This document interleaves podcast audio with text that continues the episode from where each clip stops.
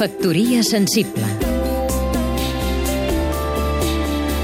Josep Maria Martí Font, periodista cultural Ha fet mig segle que van matar Kennedy i també el seu suposat assassí, Lee Harvey Oswald.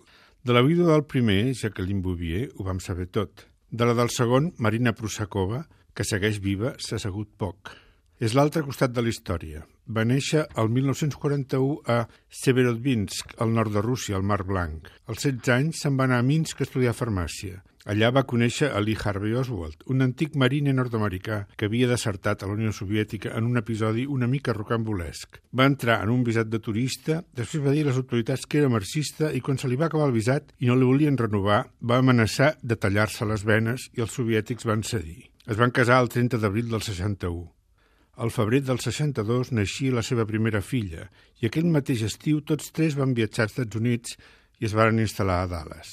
A l'octubre, Marina va donar llum a la seva segona filla. I un any més tard, el 22 de novembre del 63, Marina es va assabentar de l'assassinat del president Kennedy per la televisió.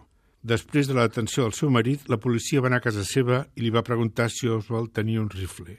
Ella els va assenyalar el garatge i la manta dins de la qual ell guardava l'arma. No hi era. Dos dies després, Jack Ruby assassinava a Oswald davant de les càmeres de televisió. Marina es va casar de nou al 65 amb Kenneth J. Porter.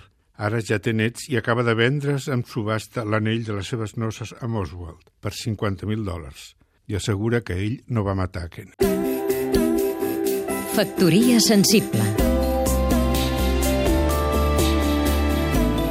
Seguim-nos també a catradio.cat